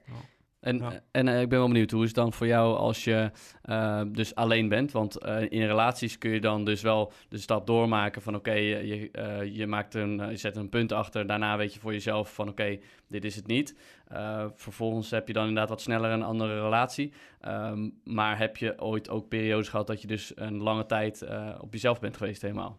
Nou, nu ik daar dus zo over nadenk, eigenlijk niet. Ja, ik heb wel mijn eerste vriendje heb ik van mijn 15 tot mijn 20 of zo gehad. En Ja. de volgende was ik 23 eh, uit mijn hoofd. Dus daar heeft wel wat tussen gezeten. En ik moet wel zeggen dat, dat, die, dat die relatie overging. Dat was, heb ik ook zelf eh, uitgemaakt. En achteraf was dat, is, het, is het voor de best. Ik bedoel, wij passen helemaal niet bij elkaar. Maar als er wel iemand is geweest waar ik dus echt heel lang nog van heb gedacht... van ja, maar waarom heb ik dit gedaan? Waarom is het over? Daar heb ik heel veel hartepijn van gehad. Maar dan ben je ook een bepaalde leeftijd. En het uh, puberteit uh, voorbij, zeg maar. Waarin uh, die voor de allereerste keer dus nou, dat voelt. Ik denk, oh, ik ga sterven. Mm. Ik ga dood. en dan kom je weer bij Jasper terecht. Dus een... Uiteindelijk komen we altijd weer bij mij terecht. We hè? Allemaal weer bij Jasper ja, het terecht. laatste, laatste gedeelte, ja. De, Ja. de Aprilla Vie Academie. Maar goed. Ik weet niet meer wat ik wilde zeggen. Nee, maakt niet Nou, uit. Het, zijn ging, het in ging dus om het eh, punt dat je dus eh, weinig periodes hebt gekend Oh eh, ja, waarbij je echt compleet alleen bent geweest. Ja, dat kan ik niet. Nee, precies. Dus dat is, dat is dus denk ik het stukje egoïsme wat dus belangrijk is om te trainen. Of een stukje zelfliefde wat je wil trainen is dat je dus eh, volledig gelukkig kan zijn ook al eh, ben je op jezelf. Ja, maar daar ben ik het dus niet ja. helemaal mee eens. Ja, Want oké. ik vind Ben dat benieuwd. je... ehm, ik vind niet dat je... Hoe moet, hoe moet ik dit goed formuleren? Ik vind niet dat je alleen maar... Of kan- aantonen dat je van jezelf houdt... op het moment dat je makkelijk alleen kan zijn. Want ik kan mezelf prima niet. Vermaken. Nee, klopt. Ik kan mezelf heel goed vermaken. Ik kan... eh, eh, soms eh, stuurde ik Elwin vroeger ook nog wel eens een keer de deur uit. Ik dacht, nou laat mij maar gewoon even lekker een avondje zelf series kijken of zo. ja, er wordt hier stiekem heel erg gelachen. Oké, maar ik kan dus wel heel makkelijk alleen zijn. Maar ik vind het heel erg moeilijk, omdat ik, ik heb heel veel liefde te geven. Ik vind dat ook leuk. En Ja. daarin vind ik het eh, moeilijk om alleen te zijn. Want waar, waar ga ik het aan geven dan? Ja, aan mezelf. Maar misschien... dus eigenlijk, hier, hier beantwoord je wel een vraag. Ja, I know. Maar snap, snap je een beetje Alleen hoe, wat je- ik hoe je dat... Ja, ik snap het 100%. Dus ehm, ehm, ik heb daarin eh, precies hetzelfde. Is dat je dan toch constant een soort van op zoek bent. eh, terwijl je eigenlijk zegt tegen jezelf... Nee, maar ik ben niet op zoek. Ik ben eh, nu ook echt wel tevreden met mezelf. Ja. Ehm, maar uiteindelijk komt het heel erg op het punt... dat het niet heel makkelijk is om jezelf de juiste liefde te geven op de juiste manier. En dat is, dat is echt een zoektocht. Maar En ik is denk toch dat- blijft de zoektocht. Wanneer ben je Ehm, tevreden met jezelf? ja, nooit Wanneer denk kan ik je helemaal. tevreden zijn met jezelf? Dat is toch een levenslange zoektocht. Ik kan wel eens zeggen, ja, ik, ik, ik, ik ben heel erg goed. eh, eh, alleen ook, en noem maar op. Ik kan daar ook tevreden mee zijn. Maar de afhankelijkheid naar anderen en, en de bevestiging zoeken, ja, dat blijft altijd onderdeel van. En ik voel me ook soms verdomde eenzaam. En nu ik weer een huisgenoot heb, merk ik hoe fijn ik het vind om niet alleen te hoeven zijn. Ja, maar ik denk, mensen is toch ook niet gemaakt om alleen te zijn? Nou ja, ik, ik, ik, snap, ja, ik snap wel dat... Eh, dat punt dat je inderdaad ook gemaakt bent om inderdaad als sociaal dier, zeg Ja. maar, inderdaad eh, eh, lekker in de rond Ja, te want gaan. je, maar- ja, je wordt ja. wel alleen geboren, maar wat, de eerste, eerste seconde dat jij geboren wordt, lig jij in de armen van je moeder. Dus wanneer in je leven ben je nou echt helemaal alleen? Ja, oké. Ehm, ik, denk dan, ik denk dan misschien ehm, heel even terugkomend op, eh, op jouw verhaal, is dat, ehm, dat is het dan nodig om eh, een verbintenis met iemand eh, te hebben altijd? Is dat dan een patroon wat je in zou moeten hebben? Of kan je niet gewoon ook liefde hebben in perioden met mensen, zonder dat je dus een relatie instapt of wat dan ook, en gewoon daarin heel open en vrij communiceert? Eh, tot je op een gegeven moment wel de persoon tegenkomt waarbij jij weer een, bijvoorbeeld een monogame relatie in wil gaan. Ehm, want wat je vaak ziet ook voor, bijvoorbeeld voor het ego is het soms ehm, comfortabeler om twee relaties te hebben dan één. Want dat is veiliger toch? Want als we kijk, twee relaties hebben en eentje gaat uit, dan heb ik nog de andere. Ja, Dat is even de, de ego-gedachte. Klinkt Eh, supergoed. ja. ja. ja alleen- ik ben ook voor.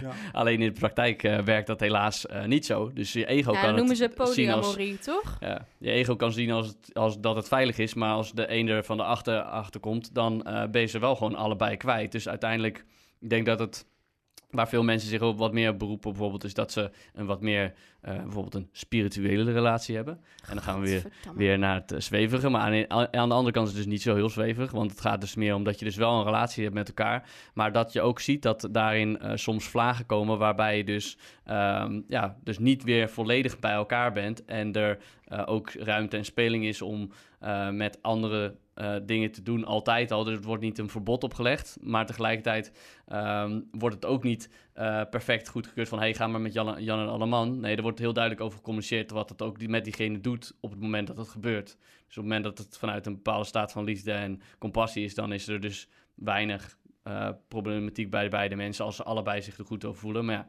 daar, dat vergt wel een bepaalde soort van zelfliefde, zelfacceptatie. Want als jij denkt van, hé, hey, ik ben echt een fantastisch persoon, een geweldig persoon, dus ik kan dat.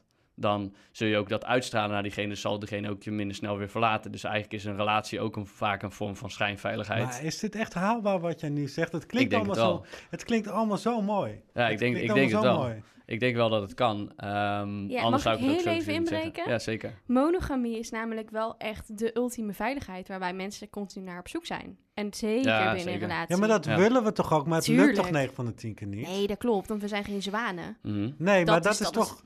dat is het mooie. Je kan wel, ik vind dat heel interessant. Want als ik ook kijk naar zelfliefde, je moet heel erg die balans weten te vinden. Wil je dat kunnen? Of monogamie, maar ook wat je net noemde. Zeker. Ja, maar dat, dat, dat lijkt voor mij zo onbereikbaar. En ik zou dat misschien niet eens willen gewoon. Ik word er kapot onzeker van ook gewoon. Nee, en, eh, en, de, de, en de vraag is ook, is, is de onzekerheid er dan vanuit het feit ehm, eh, dat je te weinig zelfliefde hebt? Of is dat die onzekerheid er gewoon omdat je echt eh, eh, vindt dat dat niet kan in een relatie? Is dat echt, echt iets wat jij van binnen zo voelt van... hé, hey, ik, ik heb dus echt die ene partner en meer ook niet.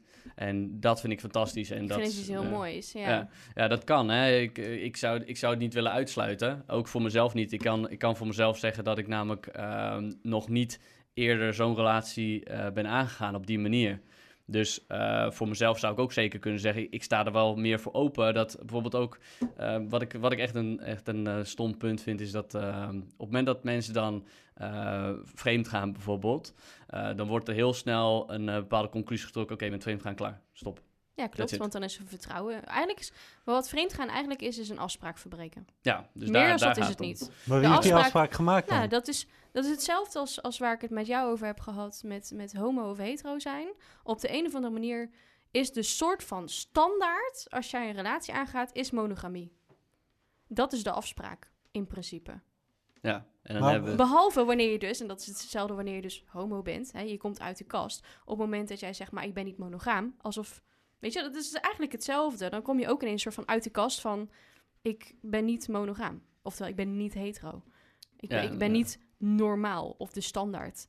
En ik heb, het mee, ik heb een operatie gehad, drie jaar lang ongeveer. Ja, ja en er wordt nu even door Jasper heel fel naar rechts gekeken. Maar nee, we hebben een operatie gehad. En als ik iets heb ontdekt van mezelf, is dat ik dat nooit meer wil. Want als ik iets heel erg fijn vind, is het gewoon die, die veiligheid. Dat het moment dat, dat iemand jou echt... En natuurlijk, die garantie heb je nooit. Dat geloof ik ook niet in. Ik bedoel, ik werk in de relatie Maar is dat Ik zie alleen maar scheidingen en alles voorbij komen. Ja, ik wou, ik wou net zeggen, is, is dat dan niet de veiligheid die je dus vroeger niet hebt gehad? dus even de, Ja, weet ik eigenlijk niet. dat, dat weet je inderdaad zeker. eh, Ja, maar het is ook wel de kern, dit- denk ik, Dus de- dit, dit, is, dit is denk ik toch het hele interessante ook van het hele leven, is dat je dus eh, bij jezelf op een gegeven moment steeds meer nagaat waarom je bepaalde dingen denkt en bepaalde dingen gelooft. En dat je er eh, soms achter komt dat je achter iets hebt geloofd waar je altijd in hebt geloofd, wat dus uiteindelijk een valse overtuiging Maar blijkt dat is dus misschien bij mij ook dat pleasen. Kijk, die open relatie die kwam bij mij grotendeels omdat, omdat mijn ex dat zo wilde. Die wilde heel graag die open relatie. Ik ben een pleaser. Dus wat ik doe is, nou, jij wil dat, ik wil jou niet kwijt, dus ik geef jou dat. Wat wil ik ervoor terug? Waardering, bewondering, begrip, Ja. et cetera. Eh, waardoor het dus ook bij ons is fout gelopen. Want op het moment dat ik dat niet kreeg en tegen hem zei van... Hè, eh, jij gaat weg en ehm, ik wil dat je dat niet doet. Ja, en vervolgens gebeurt het dus wel. En hij, hij komt terug en zegt van... Nou, eh, maar hoezo? We hebben toch een open relatie? Nee, want ik heb aan jou gevraagd en gesmeekt om het niet te doen. En de conclusie is dan, en dat zal hij ook zo beamen... is dat je soms de, iets niet hoeft te begrijpen om het te respecteren. En bij mij is dat pleasen echt, en dat is echt wel een patroon waar ik achter ben gekomen, is dus om juist dat terug te krijgen. Dus wat ik doe, is dat ik heel veel geef, maar dat ik eigenlijk er iets van terug verwacht. Op het moment Ja, dat ik het niet nog krijg, niet die conclusie ook, die, die algehele zoektocht, ook in een relatie als het gaat om monogamie of dingen die wij eigenlijk heel graag willen als het gaat om tussen haakjes zelfliefde, ehm, dat heel veel dingen gewoon niet haalbaar zijn. Terwijl we ze wel zo graag willen of, of verwachten en dat het gewoon ongelooflijk lastig en complex is. Ja, ik, ik denk het aan- de ene kant, ja, het is zeker complex, maar ik denk dat dat ook mis- het misschien het meest interessante is. Ehm, even, even terugkomend op, eh, op jou, Jet. Ehm, eh, wacht even hoor. Ehm godver, nu ben ik het kwijt. Ja, maakt niet uit. Ehm, kan je nog één keer herhalen wat je net, eh wat je Wat net zei? Ja. Eh, het stukje dat ik een open relatie heb gehad of een stukje Ja, precies, het pleasen? operatiegedeelte. Dus eh, als je dan gaat kijken naar zeg maar, de eh, waardering die je constant weer, weer wil... en ook vanuit die, die jongen zijnde, op het moment dat hij dus zegt van ik wil een open relatie... gaat het dus weer heel erg om het feit waarom je die open relatie dan wil. Dus wil je dat vanuit het feit dat je ehm, ja, dus constant op zoek bent naar meer liefde... en je bent niet vo- volledig te, tevreden met jezelf, ja, dan, dan is het dus vanuit het verkeerde principe en dan krijg je Ja. sowieso botsing. Ja, ik voelde me de fantastische Ja. vriendin omdat ik hem die vrijheid kon geven natuurlijk. En, en daarnaast ben ik ook wel benieuwd als je dan eh, wel iemand hebt die je eh, constant, zeg maar, eh, weer wat meer de hemel in prijst, krijg je dan wel wat je wilt? Want misschien is de onderliggende gedachte ook wel, omdat je dus niet krijgt wat je wil, dat dat dan constant weer datgene is wat je weer opzoekt. Klopt.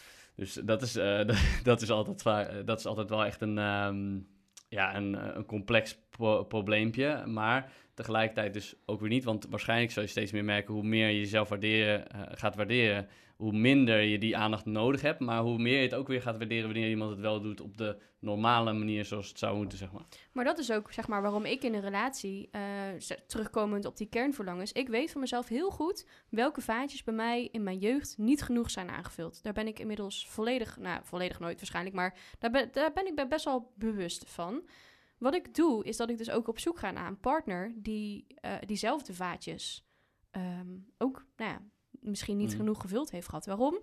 Omdat op het moment dat jij, nou in mijn geval bijvoorbeeld, hè, bewondering is bij mij echt wel een vaatje wat, wat heel erg gelegen is gebleven. Ondanks dat mijn ouders me echt ontzettend hebben gesport met alles. ehm, was het wel altijd, en dat, eh, dat heb ik, ik heb dit ook tegen mijn moeder gezegd, onlangs, dat er altijd tegenover mij werd gezegd van ja, moet je niet tegen Sharon zeggen, want dan gaat ze langs de schoenen lopen. Ja. Continu werd eigenlijk al voor mij bepaald dat ik niet kon omgaan met bewondering. Wat als kind natuurlijk gewoon fucking funest is. Want dat is gewoon een van de vaatjes die gevuld moet worden. Wat ik doe is dat ik dus dat heel erg geef. Ik geef mensen heel veel bewondering. Ik eh, ben heel complimenteus. En dat meen ik vaak ook vanuit de grond van mijn hart. Maar ik spreek het wel uit. Ik ben iemand die mensen support, aanmoedigt. er, er op die manier altijd voor mensen zal zijn. Ehm, waardoor ook mijn partnerkeuze... Op het moment dat, dat je dan dus een man treft die dus ook die vaatjes leeg... die krijgt dat heel erg veel van mij. Maar die Ja. geeft dat waarschijnlijk ook weer heel erg veel. Ja. Het is echt het is een cirkeltje. Dat, dat vult op die manier. Waardoor het mijn vaatjes weer vult. Toch weer van de buitenkant. Ik weet dat ja, je moet dat van de binnenkant. Maar het is wel heel bijzonder dat je vaak ziet in je partnerkeuze dat ehm, iemand dezelfde ja, tekortkomingen heeft dan jij. Soms wel andere eigenschappen heeft om ze te verkrijgen. En dat zien we dan weer als negatieve eigenschappen. Hè, dan wordt heel gezegd, ja, je bent de hele tijd zo op zoek naar bevestiging.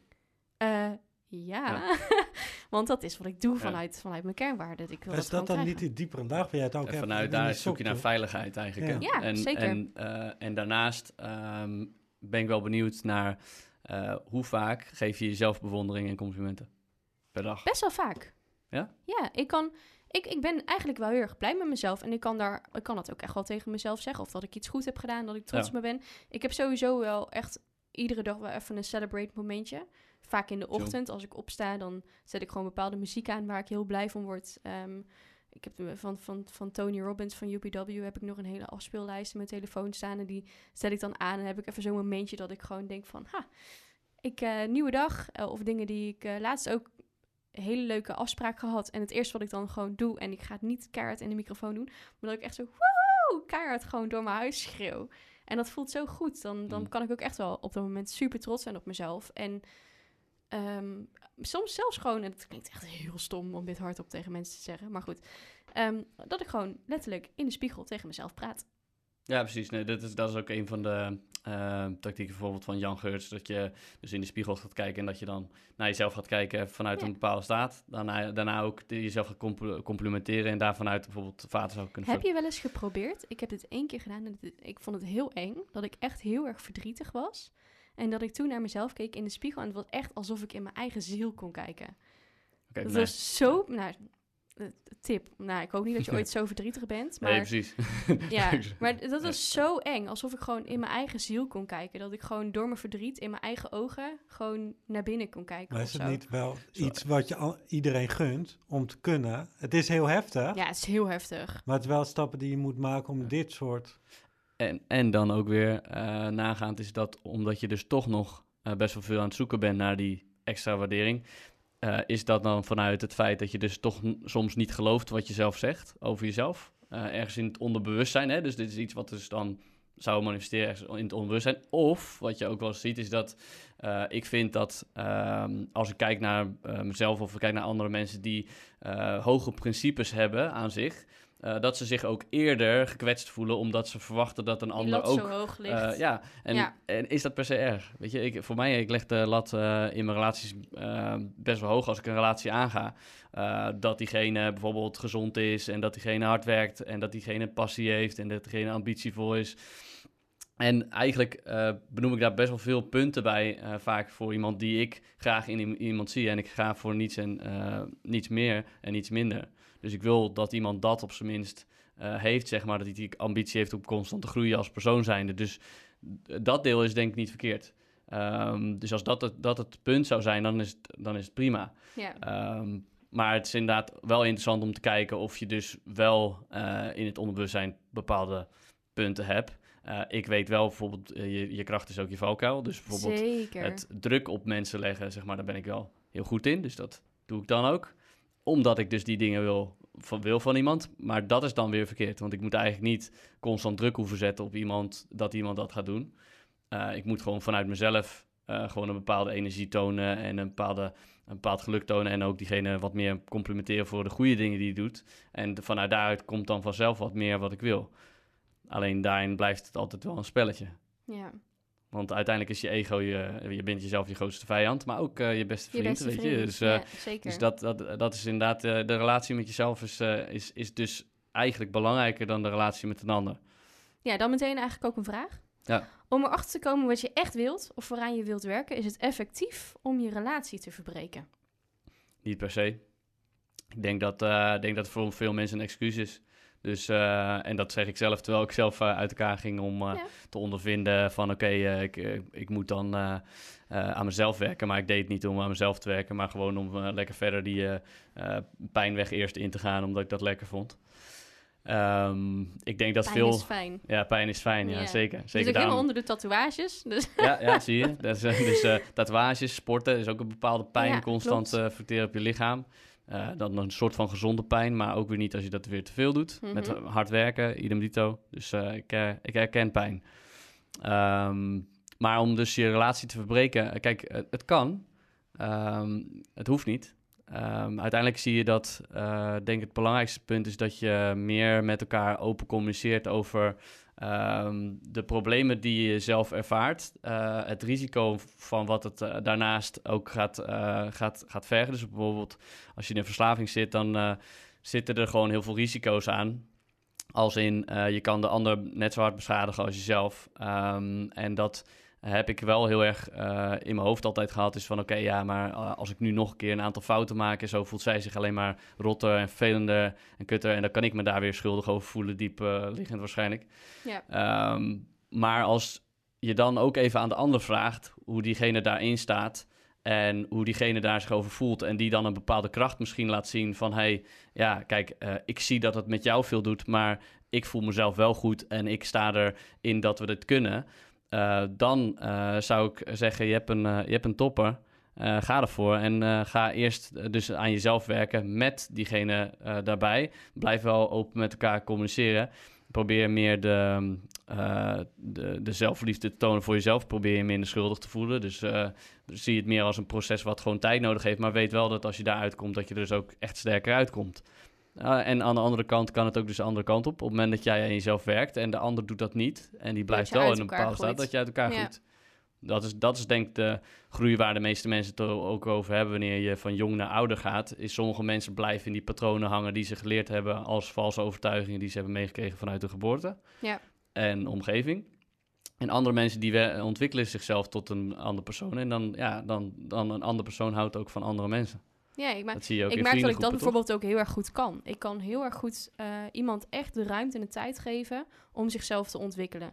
En ik ga nergens heen. En dat is een beetje, dat toevallig een soort van thema van bij mij van de afgelopen maanden binnen met, nou, met iemand met wie ik eh, aan het daten ben, zeg maar al een tijdje.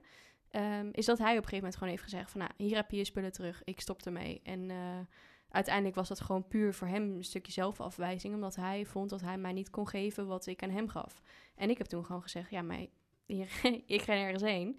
Eh, we gaan het gewoon samen doen. En ik geef u wel de tijd en de ruimte, maar ik blijf wel hier. En ik merk wel dat ehm, het feit dat ik dat kan, zegt denk ik wel heel veel over hoe sterk dat ik zelf ben ontwikkeld in mijn eigen zelfliefde, zeg maar. Dus dat ik ehm, zonder mezelf te verliezen en zonder eraan door, onderdoor te gaan, dat ik iemand gewoon echt dat kan geven.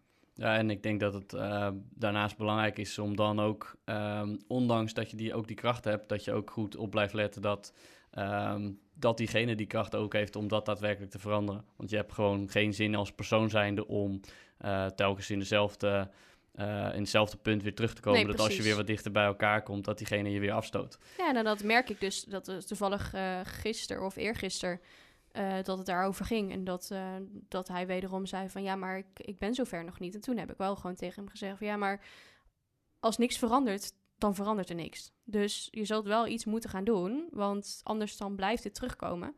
En eh, kijk, ik ben er, maar het leven gaat wel gewoon door. En onze tijd is niet eindeloos. Dus er zal wel gewoon iets moeten Zeker. veranderen.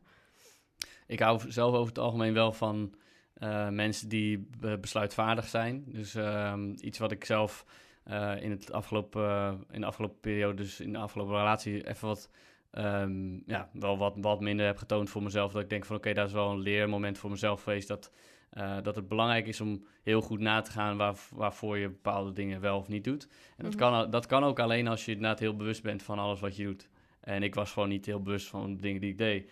Ehm, in, tot in bepaalde mate zeker, maar in, eh, in bepaalde mate ook niet. Dat is gewoon een proces wat je daarna eh, leert. En daarin eh, leer je jezelf vergeven. En daarin leer je een hele belangrijke les in mijn ogen. Is dat, ehm, is dat op het moment dat je dus steeds bewuster wordt van jezelf... kun je steeds makkelijker de grens ook heel goed stellen voor jezelf... van wanneer is het genoeg.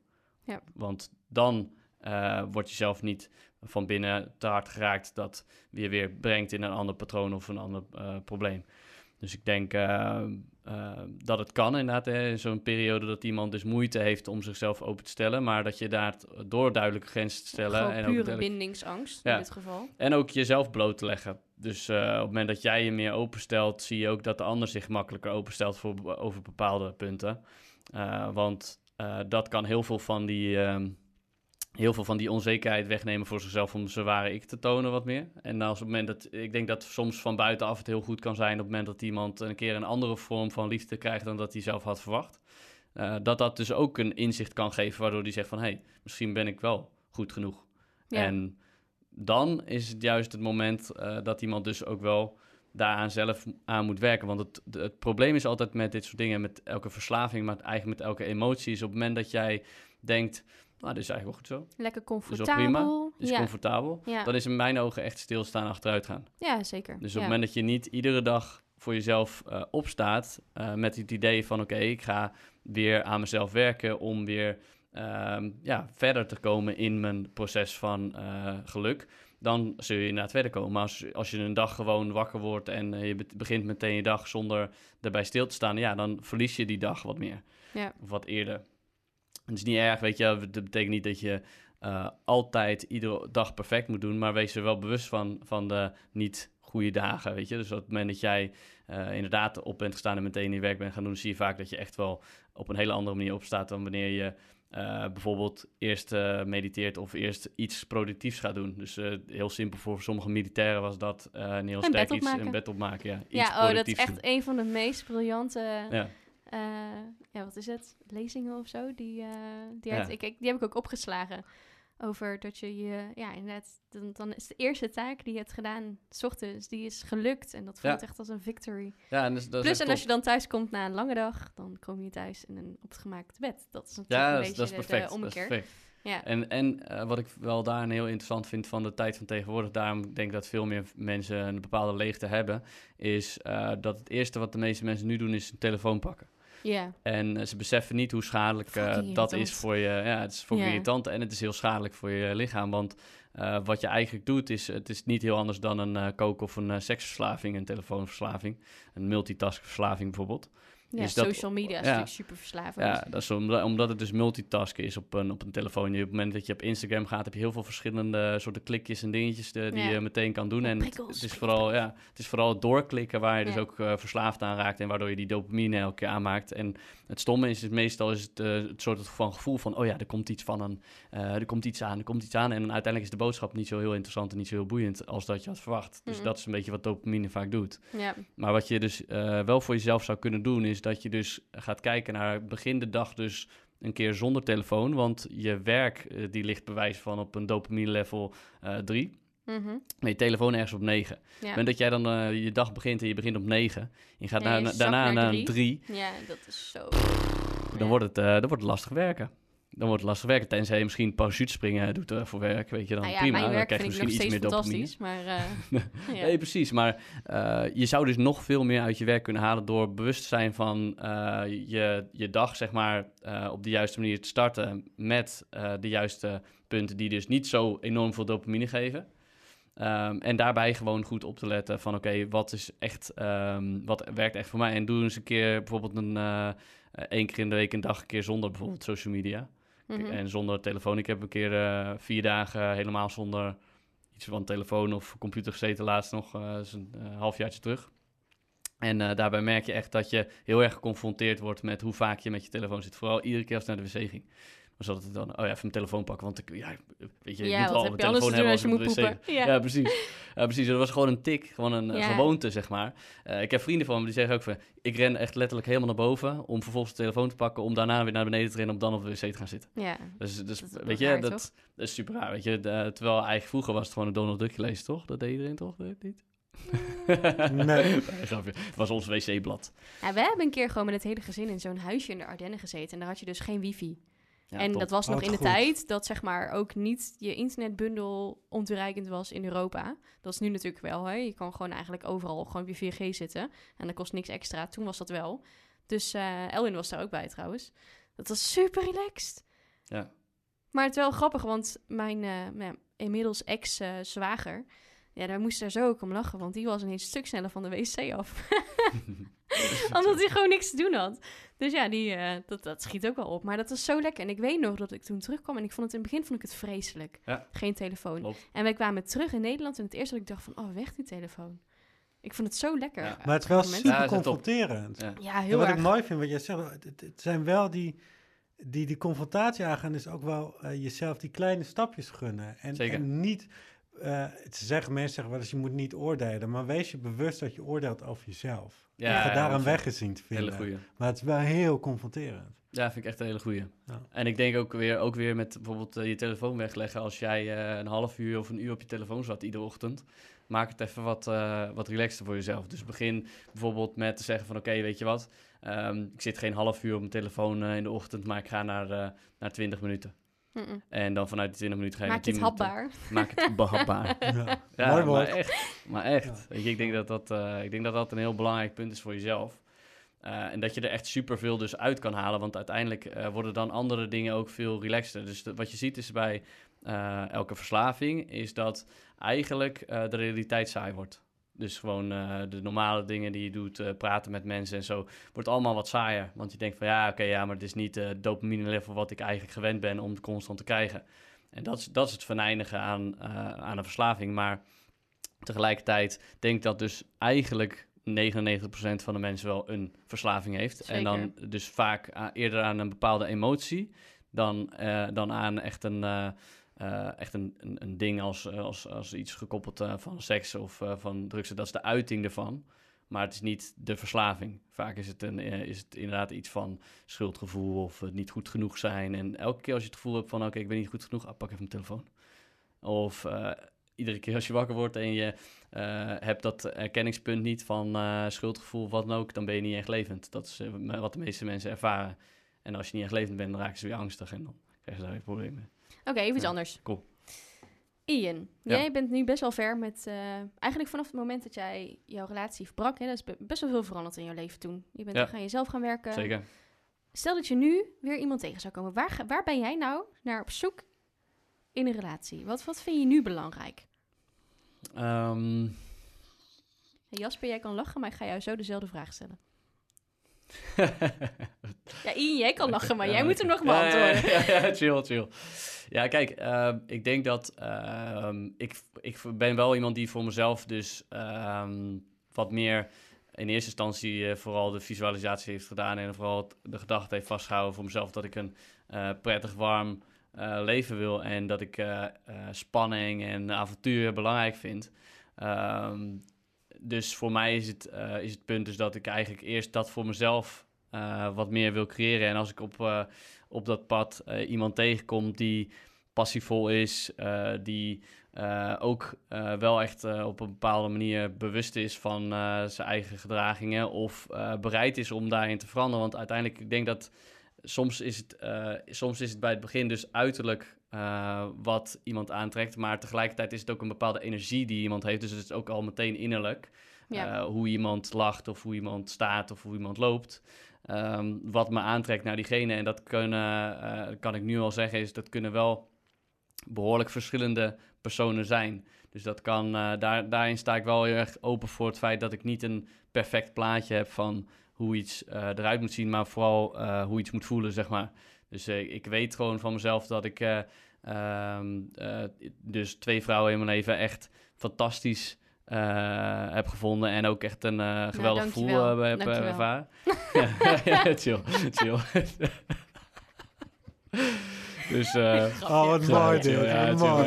ja, dus even dat, eh, dat zelfcomplimentje wat ze even van geven. Dit is pure zelfliefde. Dit. Pure zelfliefde, Ik heb verder helemaal geen bevestiging nu nodig. Geslaagd dit. Goed. Ja, sorry. Is- ik, ik, ik weet gewoon dat ik, ehm, dat ik wel echte, echte liefde heb gekend. Ook al heb ik het dus ook soms ontkend van nee, ik heb het niet echt gevoeld en het moet toch anders zijn geweest en dergelijke. Maar ik ben nu bewust van, ik heb het eh, absoluut echt gekend en ik ken het nog steeds in, eh, eh, in verschillende situaties. Ehm, en voor mij is het gewoon, er komt vanzelf wel weer een punt dat ik iemand weer tegenkom waarbij ik datzelfde gevoel weer voel. En eh, eh, ik zou niet zeggen dat ik er dus niet voor open sta, maar ik zou wel zeggen dat ik voor mezelf het ook wel erg lekker vind om nu deze periode gewoon door te gaan. Dus met mezelf, werkend aan punten waar ik dus nu ook extra tijd voor heb. Want het is niet zo dat ik nooit de tijd voor zou maken, maar ik heb wel veel meer tijd. Dus eh, dat, dat, is, dat is denk ik voor mij nu eh, het belangrijkste. Nou, ik denk dat je er sowieso voor open staat. Want volgens mij heb jij je aangemeld voor de Liefde in de Lucht podcast. Ja, ja, ja, ja, ja, ja, ja, ja. Vooral eh, eh, wat ik daar interessant aan vind is, de, ehm, eh, is het punt dat je dus elkaar eh, niet kan zien eh, en niet kan, eh, kan aankijken. Dus eh, je kunt eh, nou ja, vrijwel geen complimenten geven over iemands uiterlijk. Je moet het puur doen op basis van eh, wat iemand zegt. Ehm, En daarin ook weer Ja. een bepaalde energie voeden. Of zo. Zeker, zeker. Ja. Oké, Jasper. Ja, ik hoop dat ik nooit de ultieme liefde ga tegenkomen, want ik geloof er namelijk niet in. Ik geloof dat mijn hele leven een zoektocht naar, zal zijn naar liefde die ik op dat moment nodig heb. Mhm. En een relatie in, in de vorm zoals we dat kennen in de samenleving ga ik nooit hebben, hoop ik ook nooit te hebben. Wat heb je nu nodig? Nu, eh, nu heb ik wat ik wil hebben. En dat is iemand die in mijn leven is en wat een deel van mij is. En waar ik gelukkig mee ben en die mij dingen kan geven om te blijven groeien.